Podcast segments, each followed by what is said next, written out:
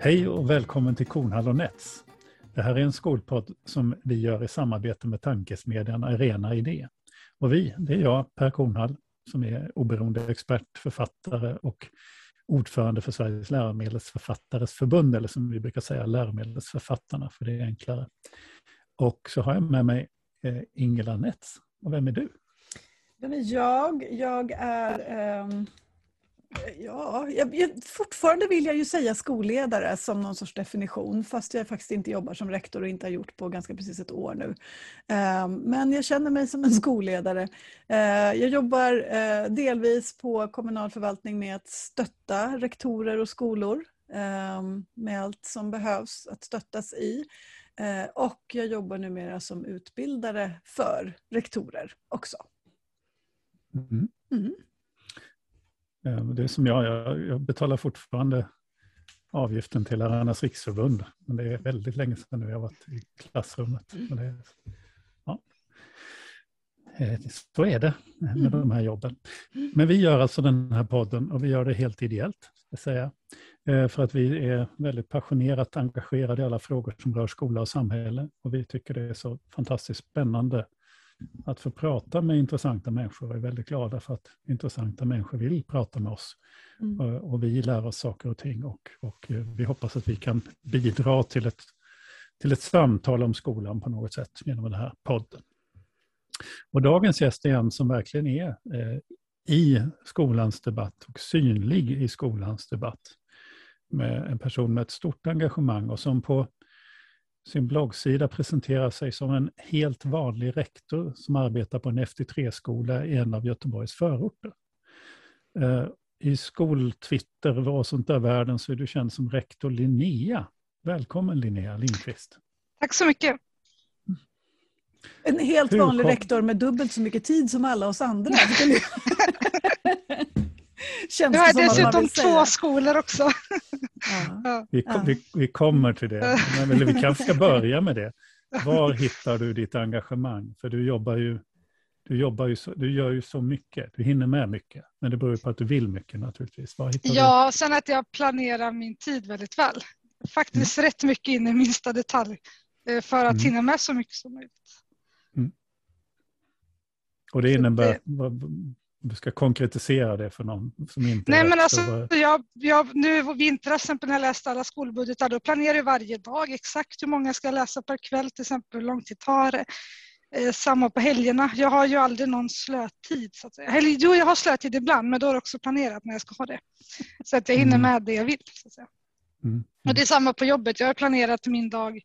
Och det, det är alltid det blir så, men ofta kan jag hålla min dagsplanering. Jag som har jobbat en del med rektorer vet ju att det är inte alltid rektorer helt styr all händelseutveckling på en skola. Nej, nu, nu är jag på Hammarbyskolan. Nu är jag biträdande rektor för två skolor efter att de gjorde om organisationen i Göteborg. Så att nu har jag Hammarbyskolan som F3 och Nytorpsskolan 4 till 6. Mm. Men på Hammarbyskolan är det väldigt lugnt. Alltså där eh, mm. händer det väldigt sällan saker som gör att jag behöver rycka in eller så. Så att, mm. min, men det, är ganska, det är ganska lugn arbetsvardag just nu. Men, men du, är ju, du är väldigt aktiv i, i då vi, vi lämnar rektorsrollen då och lämnar, går in på den debattörsrollen. Eh, du är väldigt aktiv i debatten och du har ju skrivit två böcker och så. Eh, vad är det som driver dig i det? Vad är det, vad är det du ser och varför gör du det här? Nej, men, alltså, frågan om likvärdig skola kan man säga liksom, drabbade mig när jag började jobba i Husby för många år sedan som lärare.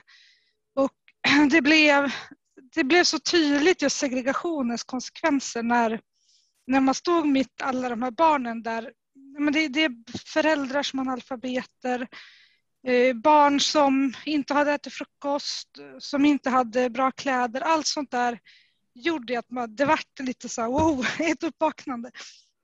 Mm. Eh, från att jag själv har vuxit upp i en liksom, traditionellt villaområde, eh, haft väldigt bra skolgång, liksom alla fått hjälp och så.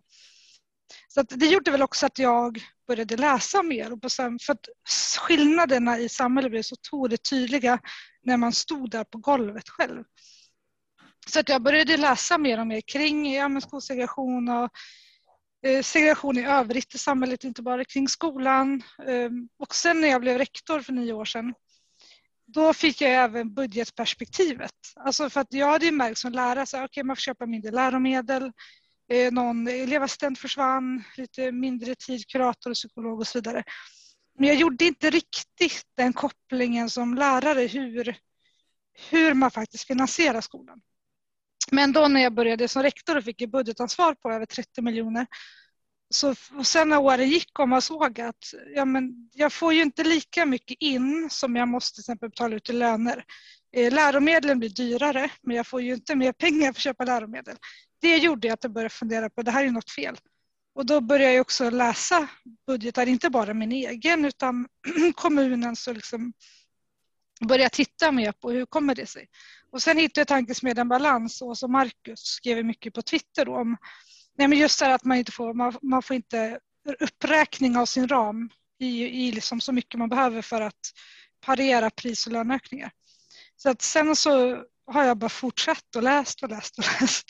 För att också för att jag vill se hela jag, jag vill se helhetsbilder. Jag tycker det förstår om man verkligen kan dra analyser. Det är därför jag tittat på alla budgetar de senaste åren. Just för att då kan jag faktiskt se så här, men hur var det för 2019 och 2020 och blev det 2021? Om jag ser att det blir sämre för varje år. Nu har jag gått igenom 190, vad är på 195 budgetprognoser för nästa år och det ser ut att bli ännu värre. Så att vi går ju inte åt en ljusare tid i skolan, snarare tvärtom. Men alltså, det här är ju skitintressant. Ja. ja, Ingela, tar du först. Ja, nej, men jag, jag, blir så fascinerad för, jag, för jag, jag, vet ju, även om du säger att det är ganska lugnt på, på dina skolor just nu, så det är trots allt två skolor. Hur många medarbetare har du totalt? Eh, nu har jag bara 43. Innan ja. hade jag 56 ja. förra året, så det har blivit men att, färre. Men att, att, ha 43 medarbetare och x antal hundra elever totalt sett ändå. Alltså, jag har ju också varit där och vet ju att det är inte så att att, att liksom, klockan tre kan man gå hem sådär. Alltså jag, jag, kan, jag kan inte smälta riktigt hur du... Du säger att du är disciplinerad så tidsmässigt, men att läsa 190 budgetar, kommunbudgetar, det är ju inte... Alltså, jag tycker det är jobbigt att läsa en. Nej, men alltså man blir, när man får upp farten så går det ganska snabbt. Och jag, ja, vet jätte, jag vet ju precis vart jag ska mm. hitta dem. Jag mm. vet ju precis vilka tabeller jag ska titta. Jag sitter ju inte och läser dem från perm till perm.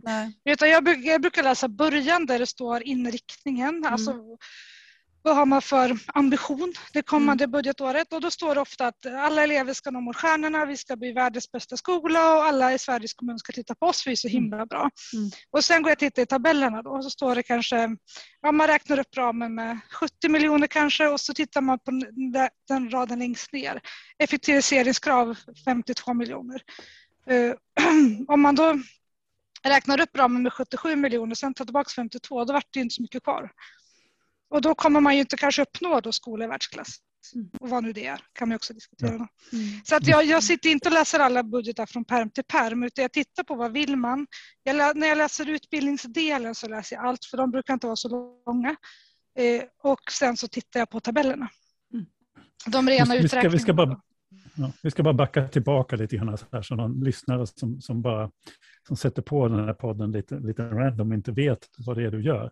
Du sitter alltså och läser alla landets skolbudgetar. Precis. Eller jag läste inte alla 2019 och 2020. Då läste jag ungefär 80-90 procent av dem. Några Nej. var så himla mycket försenade så sen bara, alltså jag orkade inte leta rätt på dem sen Nej. på våren. Nej. Men eh, i år har jag läst alla 290. Ja. Alltså, jag, jag har läst som... ungefär 800 de senaste tre åren. Vet du någon annan som gör det? Eh, Tankesmedjan Balans har ju också, Marcus Åsa har läst mm. extremt mycket budgetar. Mm. Mm. För det du gör är ju egentligen ett, ett, ett, ett journalistiskt grävjobb på ett sätt. Eh, ja, jag, jag, tänker att facken borde göra det här. Mm. Mm. Alltså när, när lärarfacken kommer med rapport till exempel om hur mycket vi skär ner på skolan, då tittar de på siffror i Collada kanske till exempel. Mm. Men jag menar på att jag är, inte så, jag är egentligen inte det mest intresserade av siffrorna, alltså hur många miljoner man skär ner. Utan jag är intresserad av resonemangen. Mm.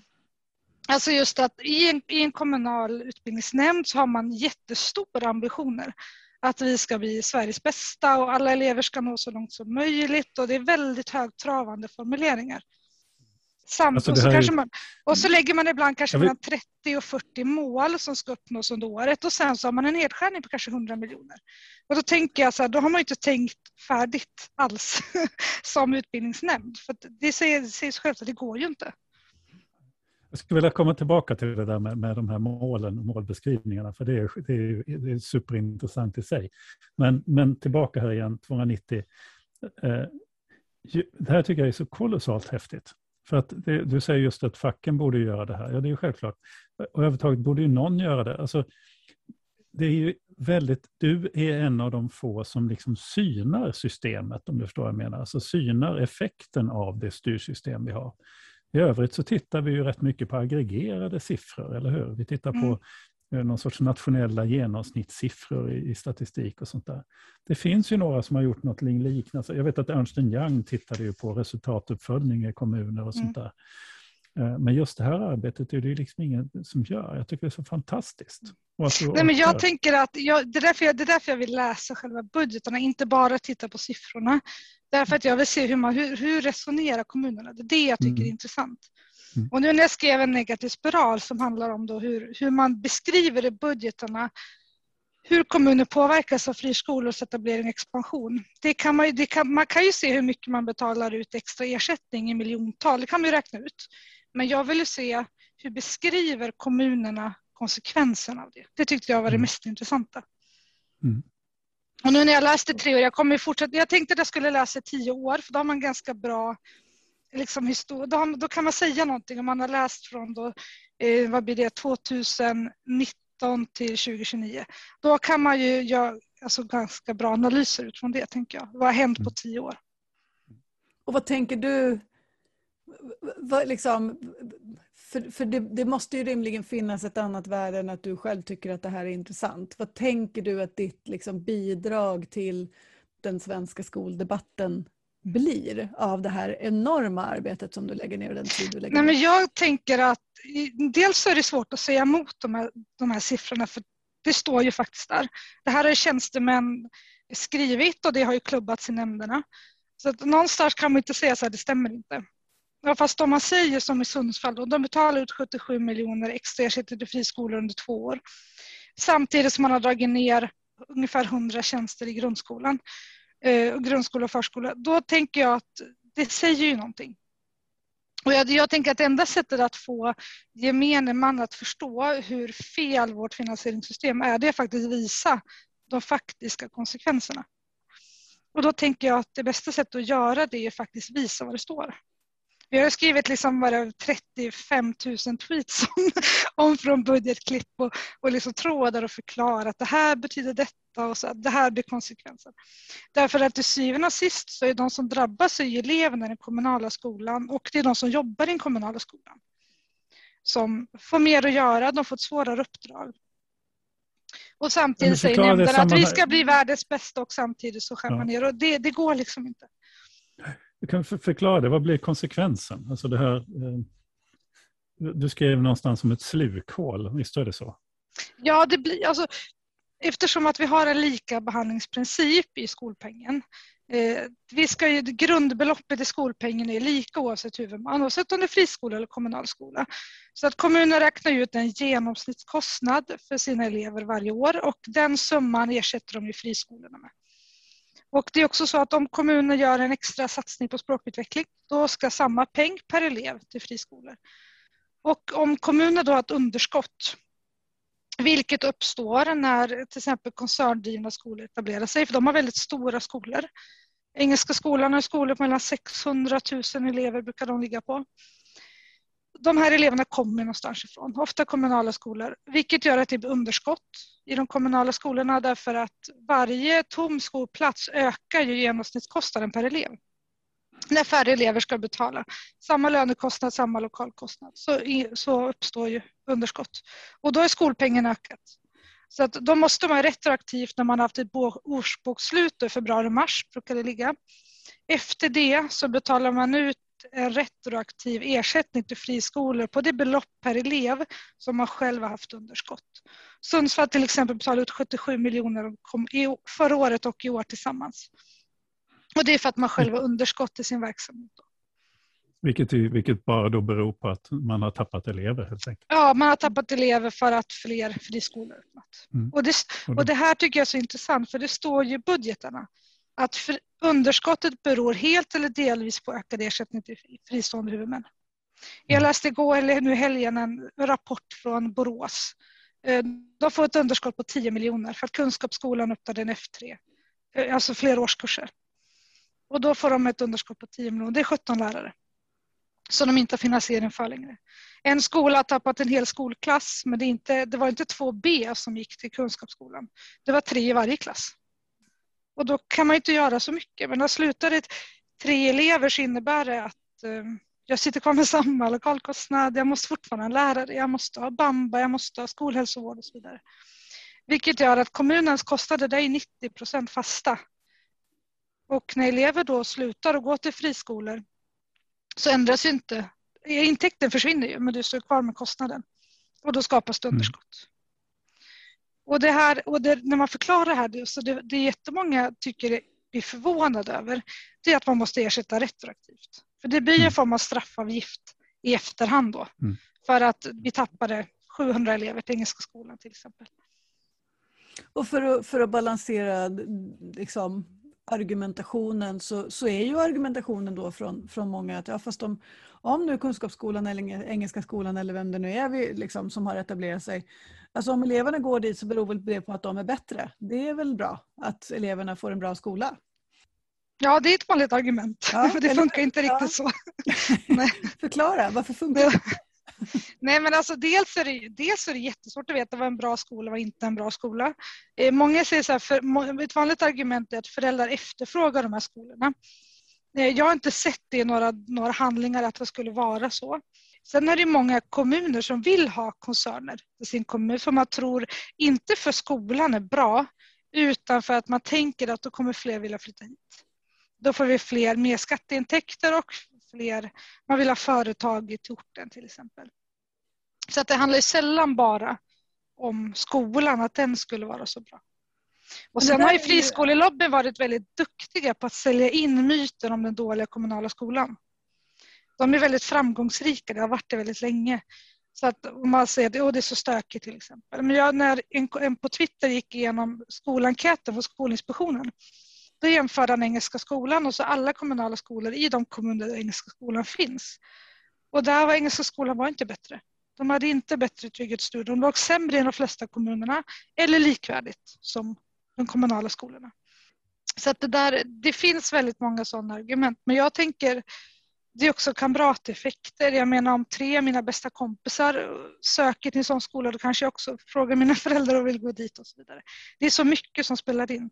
Men problemet är att de som betalar priset för det här, det är eleverna som sitter kvar i den kommunala skolan. Det kan ju vara Kalle som förlorar sin lästräning eller Ahmed som inte har någon kurator att prata med för den jobbar halvtid helt plötsligt. Så att de konsekvenserna blir väldigt, väldigt stora för de som går kvar. Mm. Du får, alltså, du får ju ta rätt mycket smällar när du ja, sticker ut hakan som du gör. ja. um, jag, jag, är ju också aktiv på Twitter och ser och följer liksom det du skriver och, och de reaktioner du får där och i, i annan media i, efter debattinlägg och sådär. Och det är ju det är ganska tufft att vara där ute där det stormar. Så. Va, va, är det värt det? Ja, det är Jag tänker att om vi inte börjar bryta skolsegregationen så jag vill inte ens tänka på vad som kommer hända om tio år. För att om vi tittar bara på, när jag, gick, när jag, innan jag skrev min första bok, En tickande bomb, så tittar jag på liksom hur, hur skillnaden i meritvärdet har, har skillnaden mellan elever som har föräldrar med eftergymnasial utbildning och de som har föräldrar som inte har det. Skillnaden i meritvärde hade, hade, dubble, alltså hade dubblats eh, på på 16 år och det fortsätter att öka.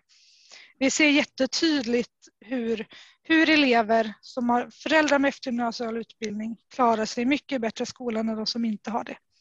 Och får vi inte bukt och börja bryta det så är vi riktigt, riktigt illa ute. Vi är redan väldigt illa ute men det kommer, det kommer bli värre. Och jag tänker det kan inte vara så att, att vi som då ska föreställa oss som något form av välfärdsland accepterar att, att på vissa skolor har vi vissa typer av elever, de är från akademiska hem. Sen på andra skolor har vi de andra eleverna. Vi har skapat ett, liksom vi börjar skapa ett parallellt skolsystem igen och det, så kan vi inte hålla på. När man också tittar på liksom vilka som använder det fria skolvalet, vilka som skolpendlar, så är det ju främst elever som har föräldrar med lång utbildning. Det är inte de nyanlända, det är inte de språksvaga eleverna, det är liksom inte de som behöver mycket stöd, utan det är ofta de med lång, från akademiska hem. Mm. Och så att segregationen har ju inte minskat med det fria skolvalet, den har ökat. Ja, det, har ju, och det är ju en känd effekt. Alltså det finns ju hur mycket internationell forskning som helst som visar den. Att, att fritt skolval i sig, utan andra faktorer som vi har i vårt system, vi har ju ett ganska extremt system, men bara fritt skolval i sig skapar ju segregation i och med att människor börjar klumpa ihop sig med dem de känner sig bekväma med. Man väljer bort snarare än man, eller ja, man väljer bort vissa barn så att säga. De vill man inte ha sina eh, barn i den skolan. Det är ett, ett, ett väldigt känt faktum. Eh, och som OECD har pekat ut och, och, och jag och German Bender på Arena Idé har ju skrivit en rapport om det och vi har ju gjort en uppföljande studie där vi ser att det som driver den här skolvalssegregationen är framförallt aktiebolagsskolorna. Eh, det är en väldigt, väldigt tydlig eh, signal. I en, i ett podd, jag vet inte i vilken ordning vi sänder, men vi, vi pratar ju med Södertäljes Boel Gårdner och e- Elof Hans Jons som ju också är eniga om den här bilden om problematiken kring etableringsrätt och friskolor och hur det slår på kommunal ekonomi och sånt där. Det finns ju, och det är väldigt svårt att hitta någon i skolsverige som tycker det här är bra. Hittar du någon sån Linnea? Nej, faktiskt inte. Alltså jag, jag, jag har inte träffat någon som har förstått systemet och sagt sig, gud vilket bra sätt att driva skola. Jag har inte mm. träffat någon som har sagt det. Förutom friskolelobbyn så tycker jag att det här är toppen för de tjänar pengar på det. Alltså det, det, finns ju inget som säger, det finns ingen internationell, alltså det finns liksom inga belägg belagt i fakta, statistik, data, utredningar som visar att det är ett klokt sätt att organisera och finansiera skolan. Och jag tänker det är väl argument nog för, för att reformera systemet, tänker jag.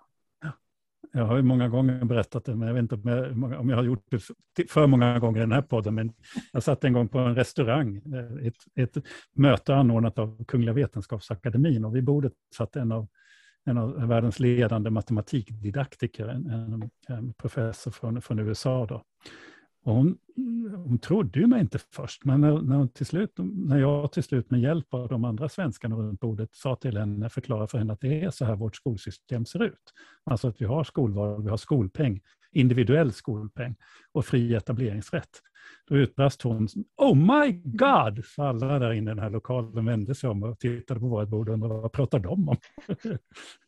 att hon kunde inte nej, föreställa men, sig det här. Eh, nej, och det är ingen som kan det. Mm. Det är ingen som kan föreställa sig ett sånt här korkat system. Jag satt och pratade för något år sedan med en som jobbar, professor på Cambridge och han frågar bara så här, but why? Varför säljer ni er skola? Det finaste samhället har. Varför säljer ni det till riskkapitalister? Och jag bara, det är en väldigt bra fråga. Varför vi gör det. Jag har faktiskt träffat en person som menade att skolpengssystemet, det svenska skolpengssystemet skulle ge Nobelpris. Mm. Eh, jag har faktiskt träffat en sån person. Mm. Eh, han, var, eh, han var alltså en tung finansiär i, i en av de här riskkapitalbolagen, han satt i bolagsstyrelsen. Han tyckte det. Mm. Men övrigt, Nej, men då det jag tänker också med skolpengen, det är ju också feltänkt att vi finansierar en kollektiv aktivitet med individuell peng. Därför att kostnaden i skolan ligger ju inte per elev. Alltså, normen är ju inte att vi, att vi undervisar per elev. Normen är att undervisa en skolklass. Och då borde ju rimligtvis ersättningen vara per skolklass också. Mm. Inte per elev. Skulle det förändra? Om man bara tänker en sån, för det känns ju som en tämligen liksom ofarlig förändring som kanske skulle gå att få igenom politiskt. Att så här, vi gör en, en klasspeng istället för en elevpeng och så sätter man upp någon form av ramverk för vad man menar med en klass. Skulle det enligt dina, ditt sätt att se det göra, göra någon skillnad? Ja, alltså det kan vi göra idag. Det finns inget som hindrar att, att finansiera per klass. Det är bara till, eller kommunen kan göra det, friskolorna ska ha per elev. Mm. Men vi kan, ju, vi kan ju finansiera vår egen verksamhet med klasspeng. Så att säga. Mm.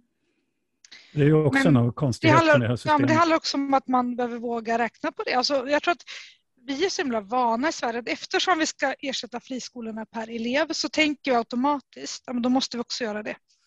Fast det måste vi inte. och jag vet Johan Ernestam på Lärarförbundet som har räknat på det här. Han har ju också kommit fram till att det i sig skulle ju bli en, en differentiering därför att det skulle sänka kostnaden när du, när du finansierar på det sättet. Ja, mm. Precis, det är ju en av de här konstigheterna i det, i att vi använder skolpeng mm. i, i alla större kommuners eh, skolor. Det är ju inte alla kommuner i Sverige som har skolpeng, Nej. för det är ju inte alla som har friskolor. Nej. Men att det blev styrande, för det var aldrig mm. tänkt. Det, aldrig, det, var aldrig tänkt Precis. att kommunala skolor skulle finansieras på det sättet. Nej. Det är ingen som har föreslagit det. Utan det har precis. bara blivit. Mm. Nej, men jag, jag har inte sett, ja, precis, ja. Nej, jag skulle bara säga att jag har inte sett heller någon kommun jag läst som har, en, en medelstor kommun med friskolor har inte hittat någon som har en klassbaserad peng. Utan mm. alla har eh, peng per elev i sina egna skolor också. Vilket beror på att det, det är enklare och man, man får mindre problem när man sen blir, blir, blir stämd av ett friskoleföretag för att man, de tycker sig ha fått för lite pengar kanske. Alltså det är enklare att göra på det ja, sättet. Man räknar liksom med äpplen överallt istället mm. för att ha meloner ja, på ett ställe och äpplen ja. på annat. Ja, det finns ju en logik i det, så är det mm.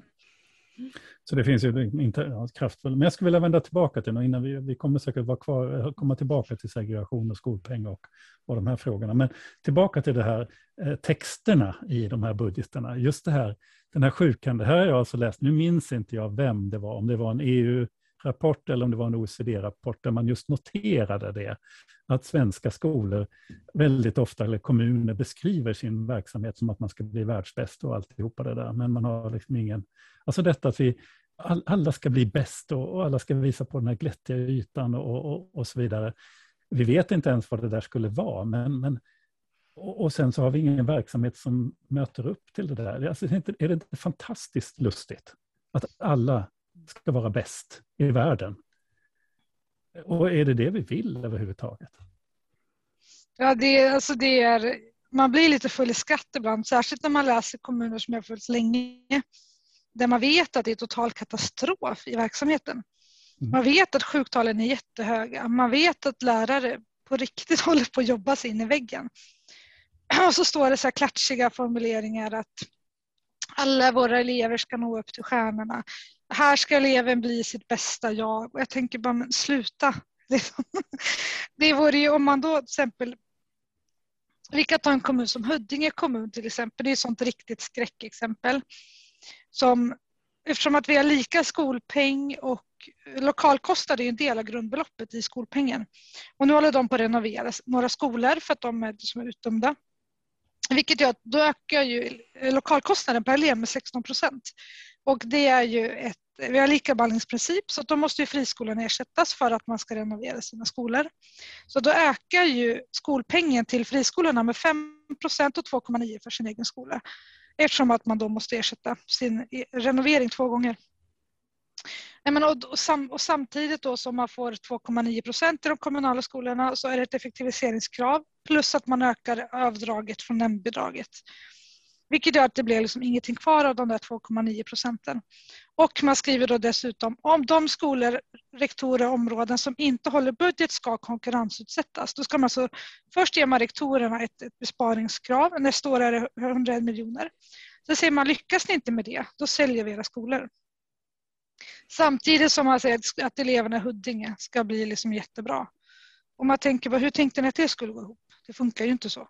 Samtidigt skor förskolan har 50 miljoner nedskärningar. Samtidigt som man säger att ja, då säljer vi. Om, du, om inte, inte du som rektor drar ner så här många, 268 lärare ska bort totalt. Så då konkurrensutsätter vi. Och man vill att hälften av alla skolor i Huddinge ska vara enskilda. Och jag tänker, det är, det är oansvarigt som, som eh, utbildningsnämnd tycker jag. Att, att, att behandla grundskolan och förskolan så vårdslöst. Men Linnea, är, inte, är det inte fullkomligt tröstlöst att, att göra det du gör och läsa det du läser och, och dra de här slutsatserna? Alltså, vad, vad, vad, ser du för liksom, möjligheter till förändringar som du tror skulle vara till det bättre? Men det man måste göra är ju att få bort överkompensationen som är inbyggd i skolpengen. Alltså lika skolpeng med tanke på att kommunen har utbudsansvar som är lagstadgat. Och det måste man ju, alltså någon måste ju ha garant för skolplikten. för att, för att förutsättningarna att uppfylla sin skolplikt. Och det kostar ju pengar som att man, kommunen måste ha tomma skolplatser. En kommun kan inte säga att det är fullt. Du får, vi kan inte säga Göteborg, men åk till Lerum. De har platser. Det får vi inte säga. Eh, och om, därför blir ju friskolorna överkompenserade för de har inte det ansvaret. Så att om vi differentierar skolpengen så är det i sig en broms i systemet. Då blir det inte lika lönsamt att, att, att expandera som skolkoncern. De kommer fortfarande starta skolor, de kommer, men jag tror inte att de expanderar i samma takt. Därför att de Engelska skolan de har ju ett krav på 6% överskott på varje skolpeng. Samtidigt som kommunen har ett underskott på 90% på varje skolpeng som går till Engelska skolan. Eh, och det är inte rimligt. Så det som, det som, som driver att jag fortsätter och lägger all den här tiden det är för att jag tänker att någon gång så kommer vi komma till den punkt där tillräckligt många i Sverige har fattat hur sjukt system vi har för att faktiskt det ska påverka vilken röstsedel man väljer nästa val. Hur kommer, sig, hur, hur kommer det sig att, att, ja precis, vi kan återkomma till det också, men hur kommer det sig att vi inte förstår hur konstigt system vi har? Alltså, Därför det, som... det, det, är för sjukt för att kunna tro att det är så, tror jag. Det är många som säger det, men alltså det här är för sjukt för att ens förstå. Alltså här, det är så dumt att man, att man tänker inte att det är intressant. För att så här mm. dumt system kan man ju inte ta fram. Liksom. Jag tror att många faktiskt tänker att det här är för, det är för dumt för att vara sant. För att mm. det är så otroligt ologiskt. Att man ger någon ersättning för någonting de inte har i ansvar för. Det är, inte, alltså så här, det är helt ologiskt att göra det. Mm. Så jag, tror, jag, tror att, jag tror att man faktiskt inte tror det för att det är så bisarrt. Det är ju, det är ju, nu är det ganska precis ett år kvar till valet. Mm. Hinner du? Hinner du få tillräckligt många människor I'm working on it. Nej, nej men alltså jag, jag tänker att det, menar, det sprids, man pratar med några som pratar med några men det är klart att det är ett jätteproblem att facken inte tar den här fighten på riktigt. Och varför gör de inte det? De har fullt upp med sammanslagning, professionsprogram, eh, kompetens. Ja, jag vet inte vad de, de sysslar med andra saker än att rädda skolan tyvärr. Men inte det, det lite det hårt? jag menar, de, ja. De är ju ändå uttalade motståndare till systemet så att säga och eh, tar ju fram rapporter också som visar på mm. problematiken i systemet. Ja. Eh. ja. men jag tror att hade de kanske gått ut mycket mer, liksom, skickat hem eh, brev, skicka hem, alltså göra speciella tidningar med jättemycket information och posta till alla medlemmar till exempel. Hade man haft för, stora föreläsningar på Lärarnas hus med, om, om marknadsskolan till exempel. Hade man, alltså de hade kunnat nått, faktiskt sett till att varje medlem får hemskickat regelbundet informationsmaterial. Så tror jag att, att vi hade väckt opinionen så att det här systemet hade ändrats illa kvickt. Mm. Därför att även om de släpper rapporter och jag tycker att Johanna och jag Råstrand både Åsa skrivit jättebra debattartiklar, absolut. Men jag tror att de behöver säkerställa att varenda medlem, det är tillsammans är de väl 350 000 eller något. Om de skulle få alla de 350 000 att förstå hur finansieringen och hur det slår mot skolan och förskolan och så, då tror jag att vi hade fått en helt annan opinion. De har ju, liksom, de har ju adresser till så många hundratusen lärare och eh, alltså annan skolpersonal som skulle, faktiskt skulle kunna väckas. Det är, det är lite grann att jag kan förstå ett dilemma också som de kan ha. För jag tänker att om det är 350 000 medlemmar så har man 50 000 som jobbar på friskolor. Så måste man förhålla sig till det. Men när jag har sagt det så vill jag berätta om en annan sak. Nämligen att jag skulle prata för just en grupp friskolelärare på, på ett fackförbund. Där jag hade förberett mig då att jag skulle liksom ta en ansats om att förklara varför jag gjorde det här och varför jag har de åsikter jag har. Eh, just därför att jag tänkte mig att de kanske var friskolevänliga eftersom de var, eh, tillhörde, så att säga, var friskolelärare inom fack. Så. Men det första de sa till mig var att bara så du förstår, vi tycker inte om systemet. Mm. Och det säger jättemånga som jobbar i friskolor. Mm, jag får meddelanden varje dag från lärare, rektorer, elevhälsopersonal som bara, jag trivs jättebra på min arbetsplats men det här systemet är ju helt sjukt. Alltså jag, jag får Mm. flera Mm. meddelanden om dagen som säger det. Mm.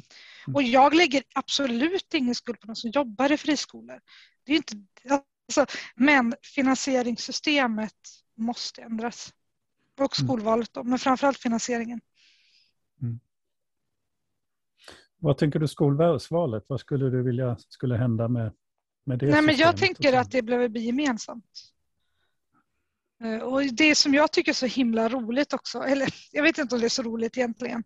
Eh, Centerpartiets eh, Fredrik Kristensson, heter han? Kristensen, och Annie Lööf, de skrev på DN Debatt en debattartikel där de la fram ett förslag som skulle avskaffa friskolereformen.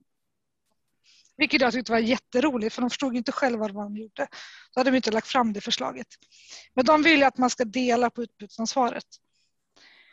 Och vilket innebär att skolplikten i princip avskaffas och alla friheter som friskolor gör försvinner och alla profiler skol, friskolor har försvinner. Jag kan tänka mig liv, hur livat det blir när, när, när elever anvisas till Römosseskolan eller till liksom franska skolan eller engelska skolan. Det är ju inte riktigt möjligt. Liksom. Jag menar, de, och så skriver de ett annat förslag till stämmohandlingarna som jag läste igår att vi, ska, vi vill ha kvar köerna med 50 procents platser ska vara kö och så vidare.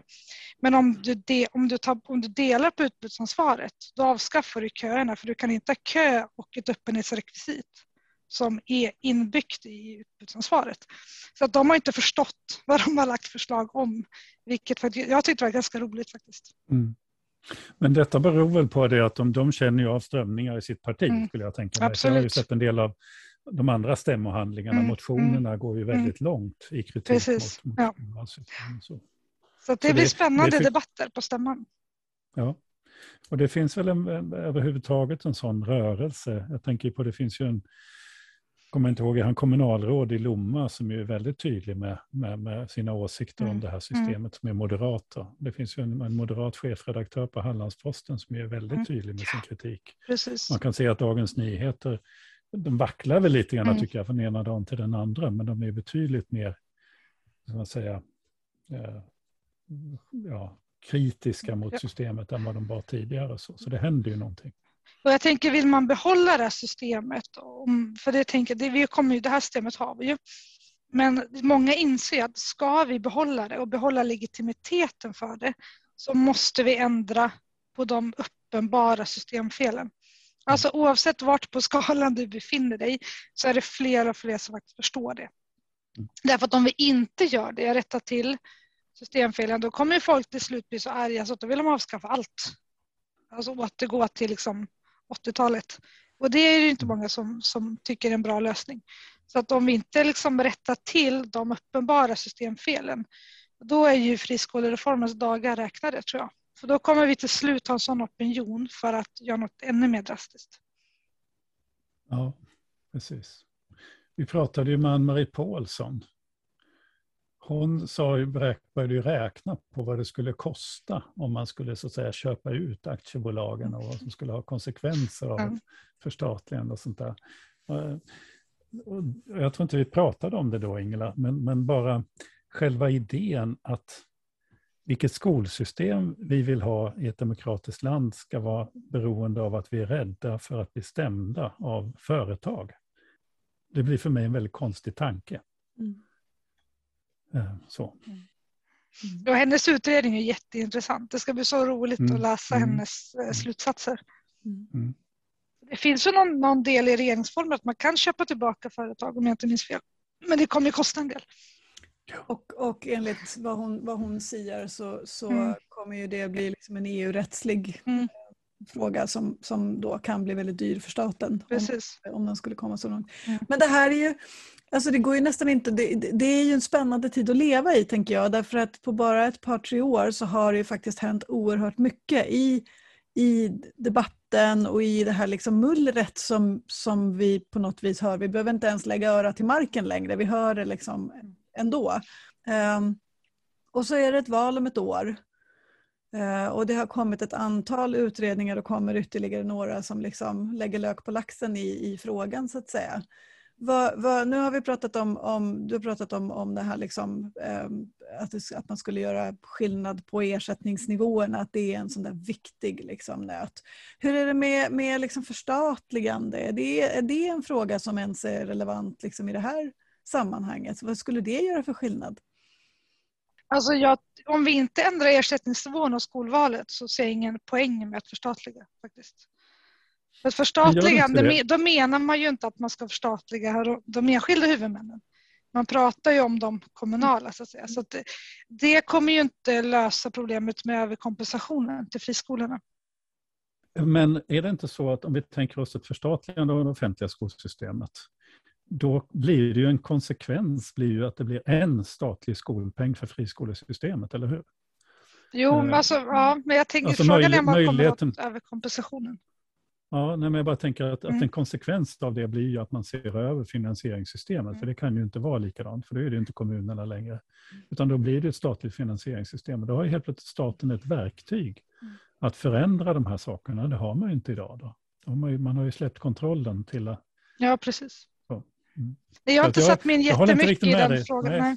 Nej. Nej, så, men, när jag har eh, tänkt efter så ser jag ändå ja. att det, en konsekvens blir ju en förändring av finansieringssystemet mm. för friskolorna. Mm. Eh, men det blir också, på något sätt. Också, ja, men, och även etableringsfrågan borde ju rimligen, liksom, för då är det ju staten som också genom mm. inspektionen idag ger, mm. fattar beslut om etableringsrätten och då borde Vilket ju det ju... bli skillnad också om det inte är liksom gentemot en kommunal förvaltningsbedömningar utan det är staten själv som ska göra bedömningen om det här blir bra eller dåligt för eleverna på orten. Ja, vilket är ett av de stora argumenten mot kanske ett förstatligande, mm. just att den kommunala demokratins inflytande mm. över, skoletablering, över skolplaceringar försvinner. Då. Men å andra sidan så har vi ju nu istället en situation där vi tycker att kommunalt huvudmannaskap, eller kommunal, kommunala självbestämmandet är super, superviktigt i alla frågor, utom när det gäller etablering av skolor mm. som de inte får bestämma över, som är ju bara också en bisarr konsekvens av det hela. Nej, men det märker man när man läser Skolinspektionens... Kommunerna har ju ett yttrande när en skolkoncern kanske vill etablera sig. Men det är väldigt ofta där kommunen säger nej eller de, de avråder, liksom avstyrker. För att de skriver att det blir väldigt stora ekonomiska konsekvenser över tid och över tid är fem år eller mer enligt praxis. Då. Men Skolinspektionen ger nästan alltid tillstånd ändå till skolkoncerner. Därför att de är ju superduktiga på att skriva ansökningar. De har ju alla papper i ordning. De är jätteduktiga.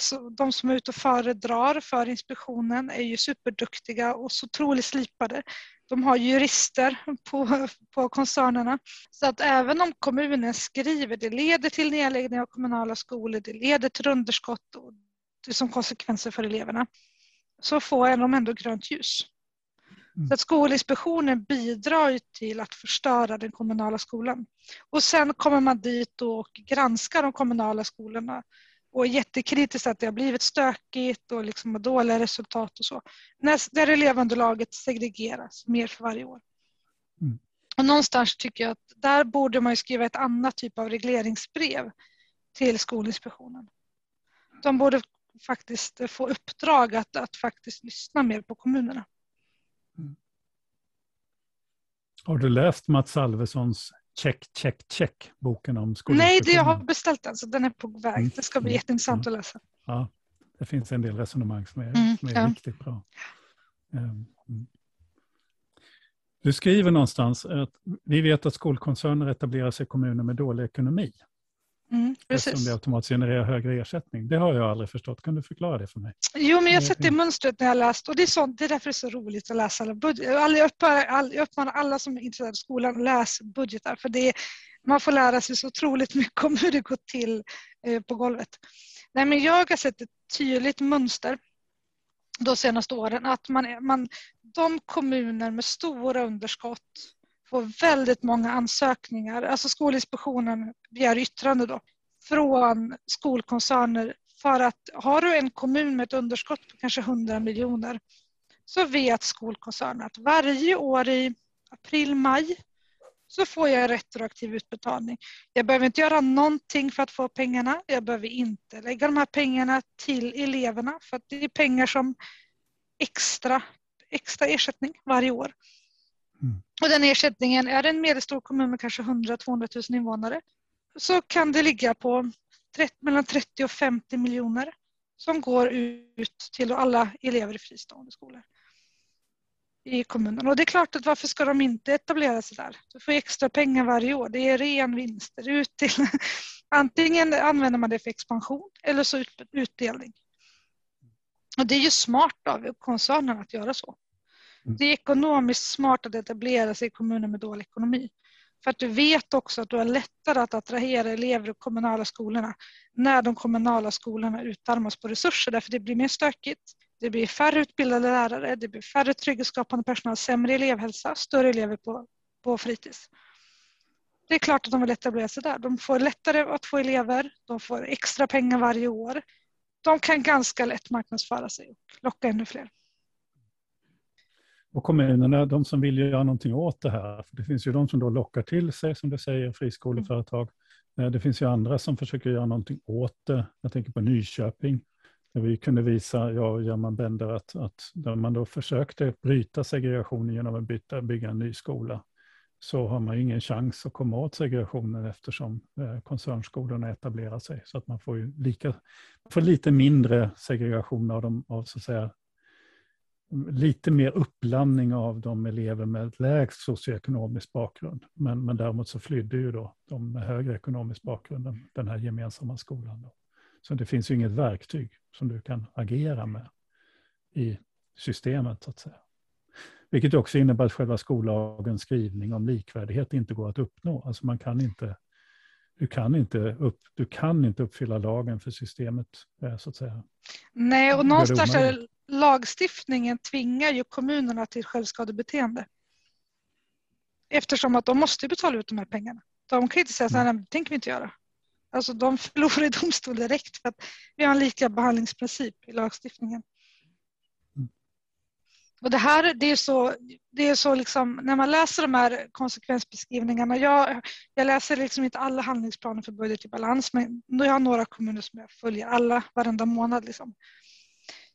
Men det, och där, där det står liksom att grupperna på fritidshemmet ökar, sjuktalen kommer att öka, vi sänker lärarbehörigheten, vi minskar elevhälsan, en del kommer, någon kommer tog bort hela centrala elevhälsan. Det står klart och tydligt lärarnas undervisningstid ökar och så vidare. Och så kommer en skolkoncern och så bara, nej men ökade underskottet med 30 miljoner. Och det är liksom, vad ska kommunen göra? Vi har den lagstiftning vi har. Lagstiftningen tvingar Mm. kommunen att förstöra sin egen verksamhet. Och sen kommer Skolinspektionen och skäller och ger böter och viten. Mm. Och man kan då bli som de 28 skolorna, bli uthängd av Skolinspektionen som Mm. Sveriges sämsta skolor. Precis. Där man då har granskat vilka elever som går på skolan. Man har inte granskat hur de jobbar. Nej, det blir ju konsekvensen. Mm. Konsekvensen är ju att, att man, Precis. har, man har använt instrument där man egentligen Mm. ser vilka, vilka, vilka... Det är ju helt enkelt de 28 skolorna med, med sämst Precis. förutsättningar i Sverige, Mm. inte de med... Och det, det hänger ju ihop med resultaten. Då. Sen är det ju en annan sak att huvudmännen skulle ha gjort någonting åt det. Men, men, det en, men att just att man fick skulden lämna på de 28 skolorna. Jag vet inte om du såg Jonas Lackos Mm. Jag tycker det var ett jättebra inlägg. Ja. Mm. Hans blogginlägg tycker jag var väldigt intressant.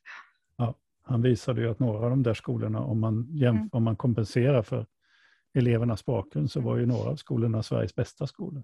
Precis. Alltså tillhörde gruppen av Sveriges bästa Ja. skolor istället Mm. för de sämsta. Mm.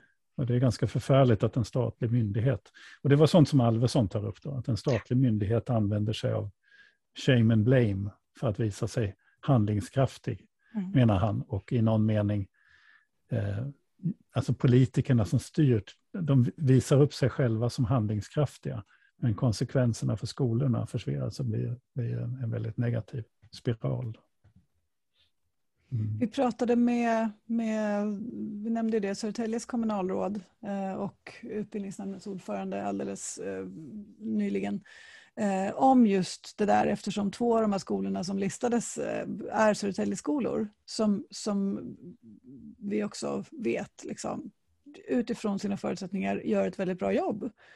Ehm, och jag, jag ställde frågan, vad gör det liksom med självkänslan hos hos rektorer, hos lärare, hos elever och kanske också hos, hos ansvariga på förvaltningen när man liksom, trots att man har jobbat målmedvetet i tio år då för, får, får upp den där liksom, ja men nej, ni är på sämsta listan. Så. Um, och, och, de slog ifrån sig lite grann och tyckte att nej, men vi, vi, eh, vi liksom tittar på vårt inre arbete, vi är inte så intresserade av var vi ligger på rankinglistor och sådär. Vad är din erfarenhet? Du jobbar i en stor skolkommun som har varit en del liksom på tapeten i olika sammanhang när det gäller just hur man, hur man hanterar skolor eh, i utanförskapsområdena, i liksom de som har dåliga resultat. Va, va, hur, hur är självkänslan hos, hos er? Nej, men jag upplever att vi som jobbar i de utsatta områdena är väldigt stolta över det arbete vi mm. Men vi har jättetuffa förutsättningar och det säger, jag har liksom pratat mycket med mina medarbetare kring just vad är det faktiskt som påverkar skolresultaten. Och det säger bland annat långtidsutredningen att menar, över hälften av elevernas meritvärde har att göra med den socioekonomiska bakgrunden. Och vi gör ju allt vi kan på alla sätt för att eleverna ska få med sig så mycket som möjligt och utvecklas och lära sig.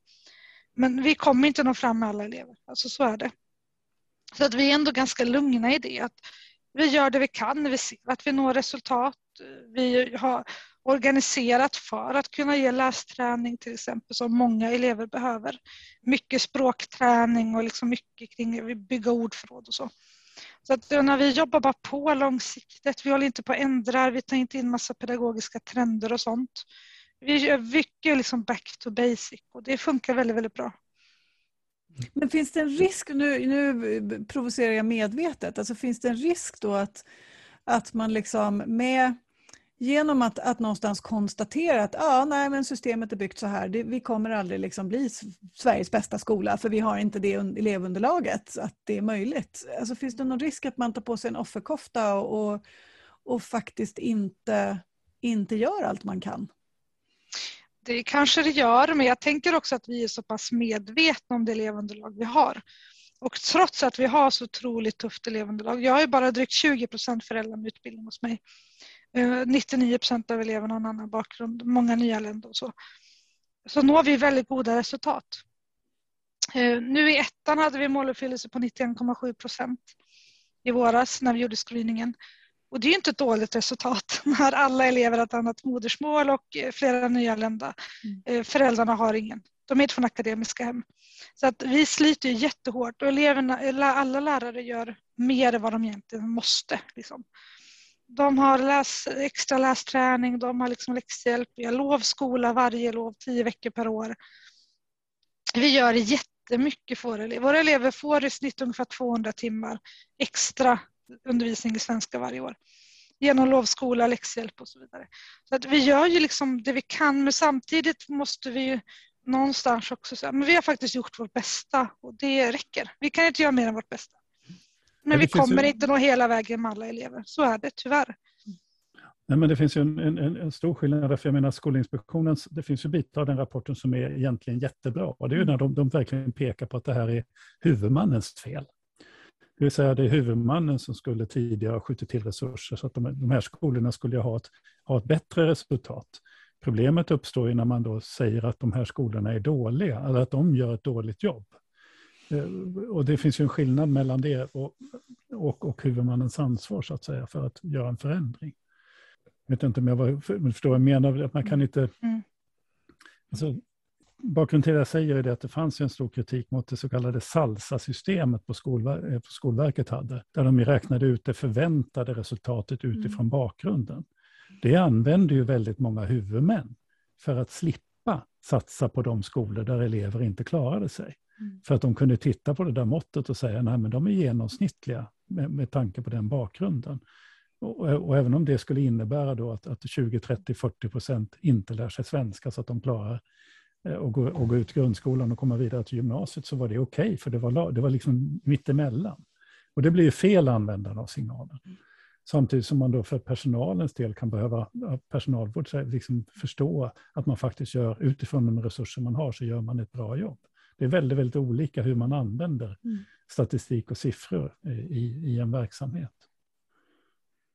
Ja, sen mina medarbetare har ju blivit, alltså jag har ju förklarat ganska mycket för dem just hur, hur det hänger ihop liksom med bakgrund och liksom resultat och meritvärde och så.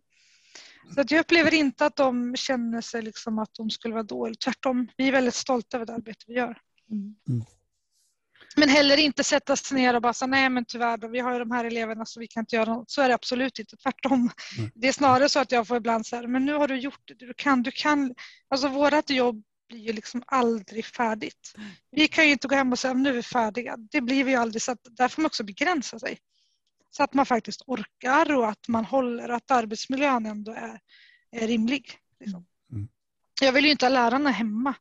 De ska ju vara friska och må bra och liksom orka med jobbet. Mm. Det är en sån där sak som jag skulle önska att, att eh, en del politiker som uttalar sig slarvigt om, om skolan och skolor i utanförskapsområden fick möta lite lärare och rektorer som jobbade där. För att förstå det, det, det engagemang och den, den, kunskap, inte minst, som man har. Och det engagemang och den tid man lägger ner hela tiden. Och vilka fantastiska resultat man uppnår.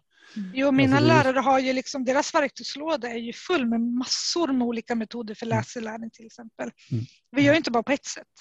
Märker de att nej, det här funkar inte, då by, alltså, de har så mycket kunskap i grundläggande läs och skrivinlärning. För att det är det vi sysslar mest med på lågstadiet. Mm. Mm. Och det, det är en enorm kunskapsbank som de besitter. Får jag vända tillbaka till de här stora frågorna, för vi måste försöka landa. Eh, om du fick önska dig tre saker i nationella reformer, vad skulle de vara i prioritetsordning? Differentiera skolpengen är absolut viktigaste. Mm.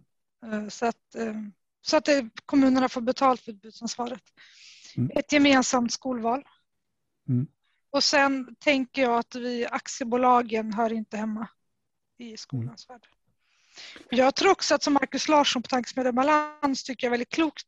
Jag tror att han skrev det om det var i den förra boken eller om det var den nya, den expansiva.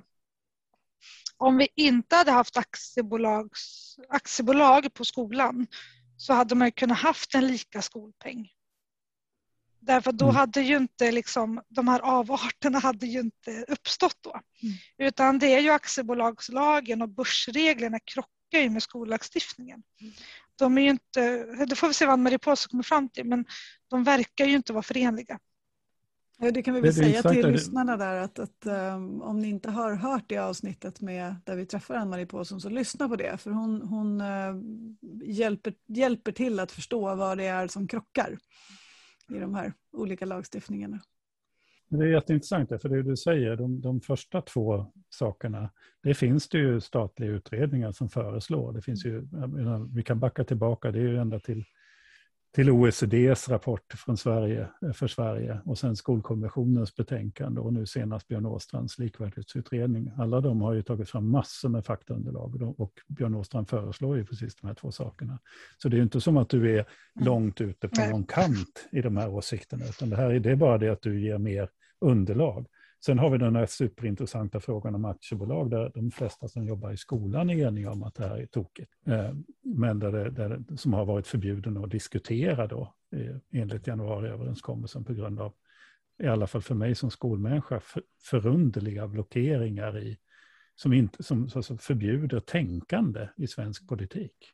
Och det är för mig väldigt förvånande. Då. Du, du skriver någonstans på bloggen också, det här är, du, du presenterar din sista bok den här. Och du ska säga att den första heter ju En tickande bomb och den mm, andra precis. heter... En negativ spiral. En negativ spiral, ja. Mm.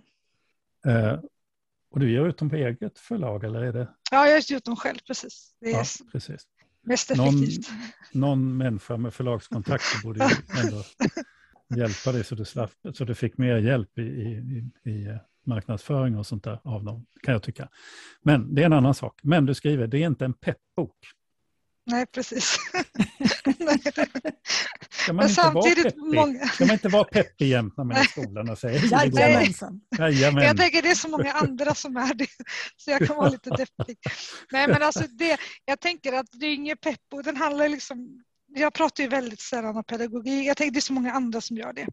Jag tänker att jag vill lyfta upp och berätta vad som står i offentliga handlingar. Och det jag säger har inte jag kommit på själv. Alltså, och den, jag blir kritiserad ofta av friskolor. Jag, bara, jag har inte ens tänkt själv. Det här står ju i de här dokumenten.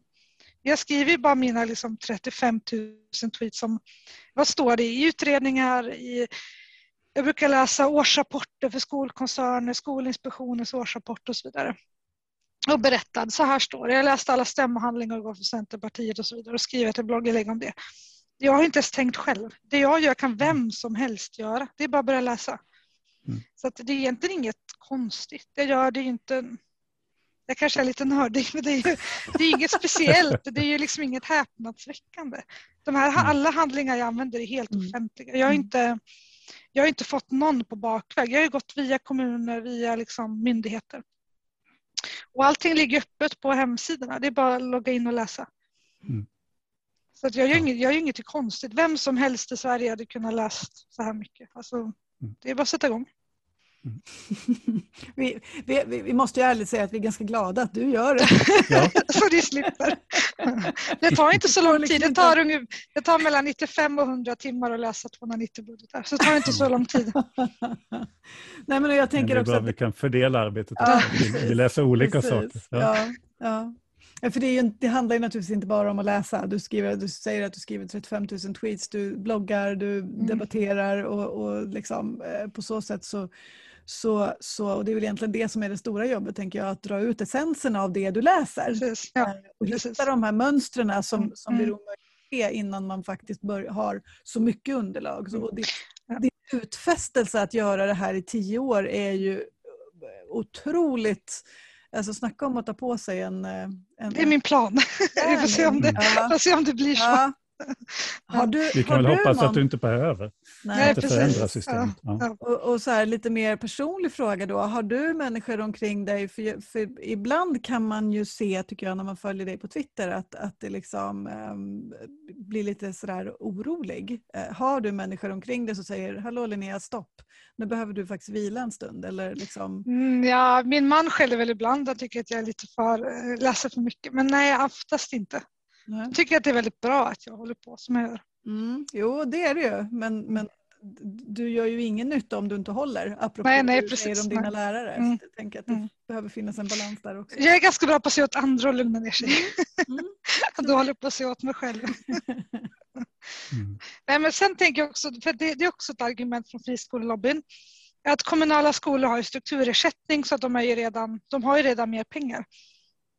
Och jag har tittat på den, jag har läst budgeten, men jag har inte liksom specifikt gått igenom det.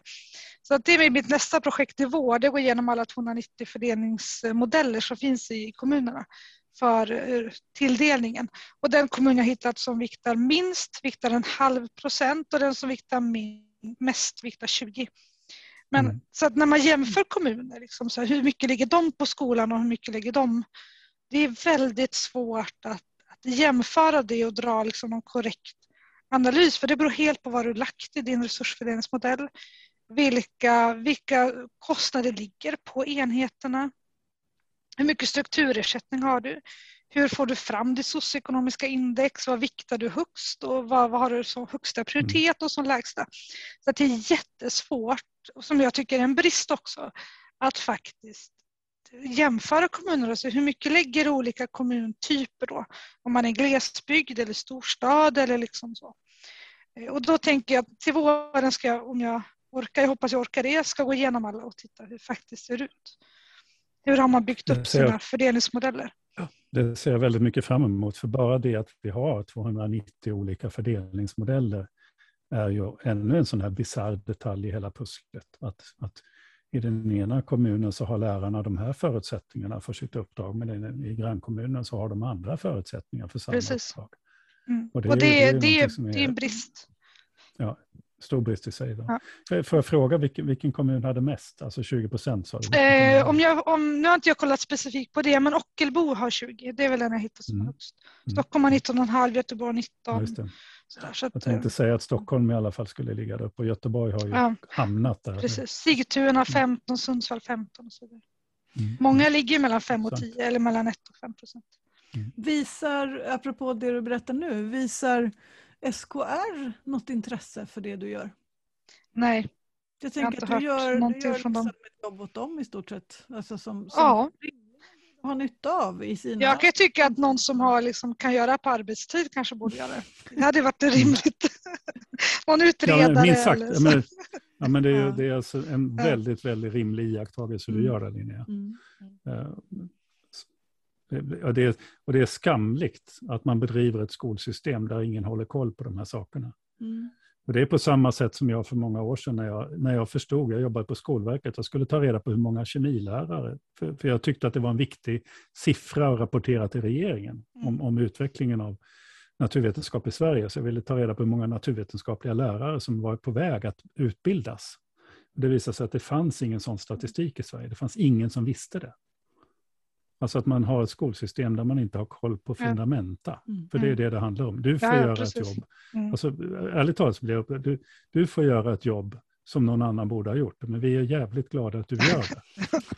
Ja, men så är det. Jag tänker att du, SKR och liksom och jag, jag, sa, jag skrev det i någon tweet för ett år sedan riktat till lärarfacken. Så varför delar inte ni och ger mig en tjänst, dela det mellan två fackförbund. Jag kan ge alla era lokalavdelningar serverat analyser, underlag. För jag, kan skriva, jag kan skriva 290 kommunrapporter om jag får göra det på arbetstid. Och bara skicka ut. Alltså, vi hade fått en sån opinion för en bättre skola. För att jag, vet, jag, jag har tränat nu, jag vet hur man ska läsa alla de här budgetarna. Jag kan göra analyserna, jag har erfarenhet av skolan. Det hade varit, liksom, det om något hade gett en otrolig grund för en, en opinion för en likvärdig skola. Hade jag fått gjort det på heltid, alltså ha det som jobb, så hade jag kunnat leverera till alla lokalavdelningar i Sverige. För båda facken, skulle de dela på mig, det blir inte så, mycket, det blir inte så dyrt. Om man tänker på hur mycket hoppas- du lägger på reklam. Ja. Vi får hoppas någon lyssnar på det här eller, och, och så. Och så får vi se till att Fast nu gillar jag att jobba som rektor i och för sig, men jag, jag har tänkt tanken. Tänk om man faktiskt Mm. skulle ha den här servicen i fackförbunden. Mm. Att varje lokalavdelning faktiskt får serverat, inte bara att man tittar på siffror i ett system, men att man faktiskt också får resonemangen serverade för sig. Och vad betyder det i ett större perspektiv, i ett Sverigeperspektiv och så vidare. Det tror jag hade väckt jättes... mm, Det hade väckt många. Många hade fått eh, liksom, kunskap och ett uppvaknande tror jag, som hade varit nödvändigt.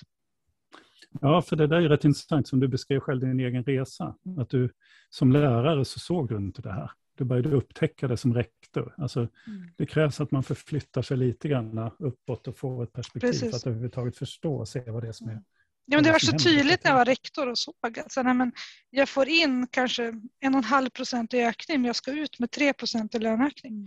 Det där glappet där, det får jag lösa i min organisation. Och Mm. då blir det mindre trygghetsskapande personal, man har inte råd kanske med speciallärare, större grupper på fritidshemmet och så vidare. Och det blev ju tydligt när jag satt med budgeten. Som lärare så blir man lite sur för att man får inte köpa in de böcker man vill och liksom, ja nu försvann elevassistenter från årskurs 1 och så vidare. Men när man satt som rektor så, aha, och jag började läsa, då förstod jag ju hur kommer det sig. Att jag inte fick ihop det, jag får inte ihop det nästa år heller. Och så. Det, det var ju väldigt nyttigt och det är många rektorer sitter och sliter med sin budget. Mm. Det i sig ett arbetsmiljöproblem för rektorerna. För att man, Absolut. siffrorna går faktiskt inte ihop. Nej, men man drabbas ju av en, en förfärlig samvetsstress. Ja, precis. Man- för att man man, vet vad vad lagen- eleverna behöver. Ja, och vad lagen kräver att vi ska Ja, ge eleverna och så Mm. klarar man inte det. Nej. Får Mm. jag, får jag pröva en, en, en tanke? Mm. Um, apropå det vi nu pratade om med, med liksom, eh, att, att man skulle kunna i den bästa av världar serva alla fackliga föreningar med liksom, de här underlagen och så vidare. Har, har eh, diskussionen om skolsystemets fördelar och nackdelar och liksom konsekvenser passerat stadiet där, där vi, vi som är i systemet ser det som en, en liksom politisk vänster-höger-fråga och blivit någonting större, någonting annat, någonting liksom kollektivt.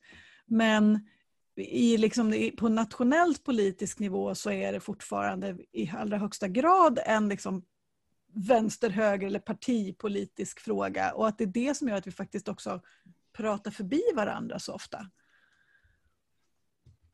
Ja, kanske. Jag tänker att det inte är en höger-vänster-fråga. Nej, Jag det tänker att det- till en ja, höger-vänster-fråga i debatten, tänker jag. Ja, det, jag, det finns jag tänker att jag försöker stävja alla de försöken för att det är så viktigt Mm. att det inte blir det. Nej. Men det är mångt och mycket det. Det pratas så mycket om vänstern vill emot valfrihet och vänstern är friskolemotståndare. Men det är så många inom liksom liberala världen, borgerliga världen som faktiskt börjar förstå att vi vill ha kvar friskolesystemet men vi ser avarterna. Vi ser problemen med finansiering. Vi ser problemen med skolor som drivs av extremister och så vidare. Om man Så ser att det- kritik mot, mot, skol, mot friskolesystemet som en höger-vänster-fråga, om man tar, intar den ställningen att, att kritiken då är vänstersynpunkt, ja, men då är ju då alla svenska lärare socialister. Eh, alla svenska rektorer är socialister och det, är de ju inte. Så att jag Nej, tycker svaret precis. Ingela Det är, det är det. ju, det är ju en, en, en liksom, vad ska man säga, ett argument som används allra på Ja, den ja. yttersta högerkanten. Men, men Absolut. det är klart att det inte är sant, men det används ju Ja, som ja. ett argument. Mm. Mm. Mm. Vilket är, vilket är ju Ja. då intressant. Mm. Nej, men jag jag tycker har så viktigt, som, ja, som jag ofta säger, att det här är en fråga om vår gemensamma framtid.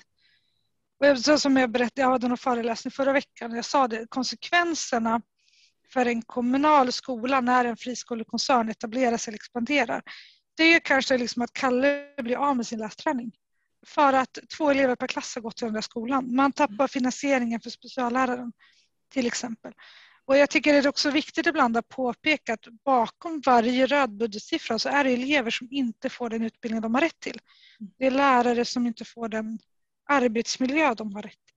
Och det är rektorer som har sömnsvårigheter, som har otrolig samvetsstress, som byter jobb alldeles ofta och mycket på grund av budgeten. Eh, för att man faktiskt, och jag, när rektor skrev till mig för något halvår sedan så här, jag åkte in och ut nu med blödande mag så det är ett halvår. Nu har jag sagt upp mig som rektor, jag kommer aldrig mer gå tillbaka till skolan. Och varje sån är ju en för mycket, tänker jag. Man ska inte gå sönder av sitt arbete.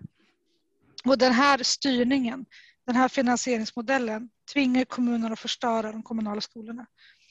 Och det är att man, det, hur kan politiker på riksnivå tillåta det? Jag förstår inte det. Ska vi sätta punkt med det? Ja. Du, jättestort tack för att du varit med Linnea. Ja, tack för att jag blev Och tack för inbjuden. ditt arbete. Ja. Jag, jag, jag tycker det är fantastiskt att du synar systemet på det sätt som du gör. Du gör en stor, eh, stor insats. Tack.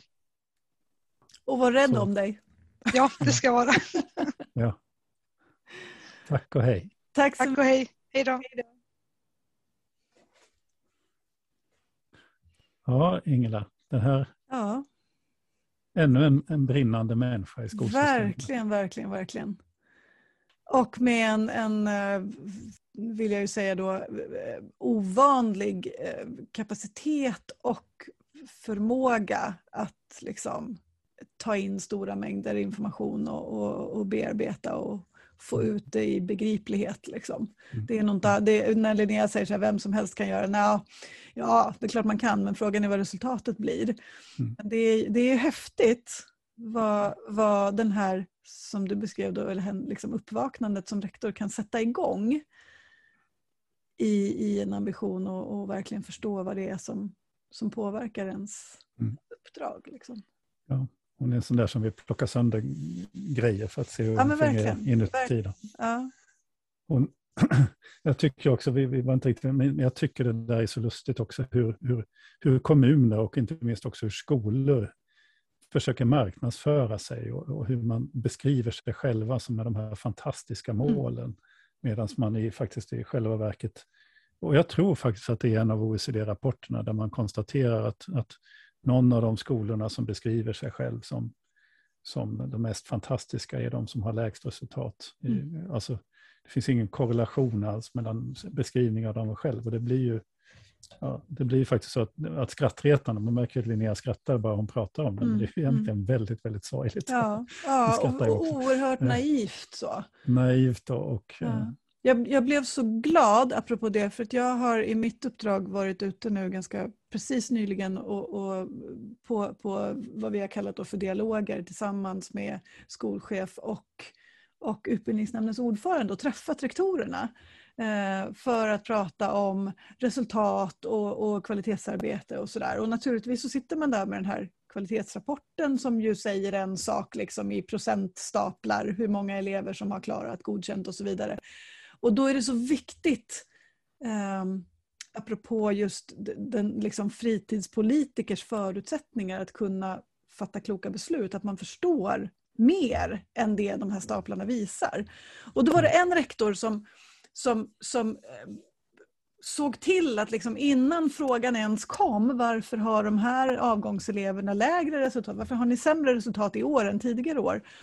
Som pekade på, vi, vi upptäckte, eller jag upptäckte när jag kom till den här skolan att, att um, vi hade ett helt galet sätt att, att bedöma elever och vi undantog elever enligt liksom någon sorts eh, själv, självtolkad pysparagraf från en massa kunskapskrav för, av liksom, olika skäl. Och det här hade blivit en kultur. Och det är klart att eleverna hade bra resultat. Och när vi då liksom stack hål på den ballongen så, och, och började liksom bedöma på riktigt så, så blir ju resultaten sämre. Men de blir ju det för att de ska kunna bli bättre. För om vi inte tar fram det som är dåligt och verkligen liksom jobbar med det så kommer det inte hända någonting annat än att vi bara liksom kör vår betygsinflation så, i taket. Och det, det var så befriande och så sa ju Elof Hans Jons från Södertälje lite samma sak när vi träffade, när vi träffade honom och, och, och Boel Godner i, i podden. Att, att ja, men vi, vi måste våga liksom, titta på det som inte fungerar och jobba med det. Och då kan, man mm. inte, då kan man inte ha som krav att vi ska vara bäst i Sverige för då kommer vi liksom Nej. våga lyfta det där som är vi vill ju inte ha det heller. Vi vill ju ha en, en, alla barn ska gå en bra skola, det vill säga ja. att alla ska gå till en vanlig bra skola. Ja, ja. Helt, helt vanlig skola. Eh, att bara öppna det, för många av de kommunerna som skriver om det här så vore det ett fall framåt bara om de såg till att det blev vanligt. Mm. Mm. Och, mm. ja, någonstans ligger ju någon, ja, det är något väldigt konstigt i, mm. i hur, man, hur man tänker kring styrning mm. av skolan. Ja, alltså Linnea är ju fantastiskt och det här mm. att, hon, att hon synar systemet på det ja. sättet hon gör. Är, mm. Och hon har ju helt rätt i att hon, det borde vara någon annan som gör det. Men mm. nu råkar det vara så att det inte är någon annan som bryr sig. Nej. Och då har hon gjort det. Och det är ju fantastiskt. Men handsken är kastad så att, uh, vi får väl se om det är någon som tar upp den. Absolut. Mm. Ja, absolut. Mm. Men vi sätter väl punkt med det va? Mm. Så att du har just lyssnat på ett avsnitt av Kornhall och Nets som är en skolpodd som vi gör i samarbete med tankesmedjan Arena Idé. Och vi som gör den heter Per Kornhall och Ingela Nets. I varje avsnitt intervjuar vi en eller flera personer vars kunskaper, position eller arbete är intressant för den svenska skolan. Har du någon önskegäst eller finns det någon fråga du vill att vi ska belysa? Hör av dig till oss i så fall. Du hittar våra kontaktuppgifter där du hittar podden. Och vill du inte bara ha oss i öronen utan också i ögonen finns också en videopodd på Arena Idés hemsida och Facebook-sida. Men med det så säger vi tack för nu. Vi hörs snart igen. Hej då! Hej då!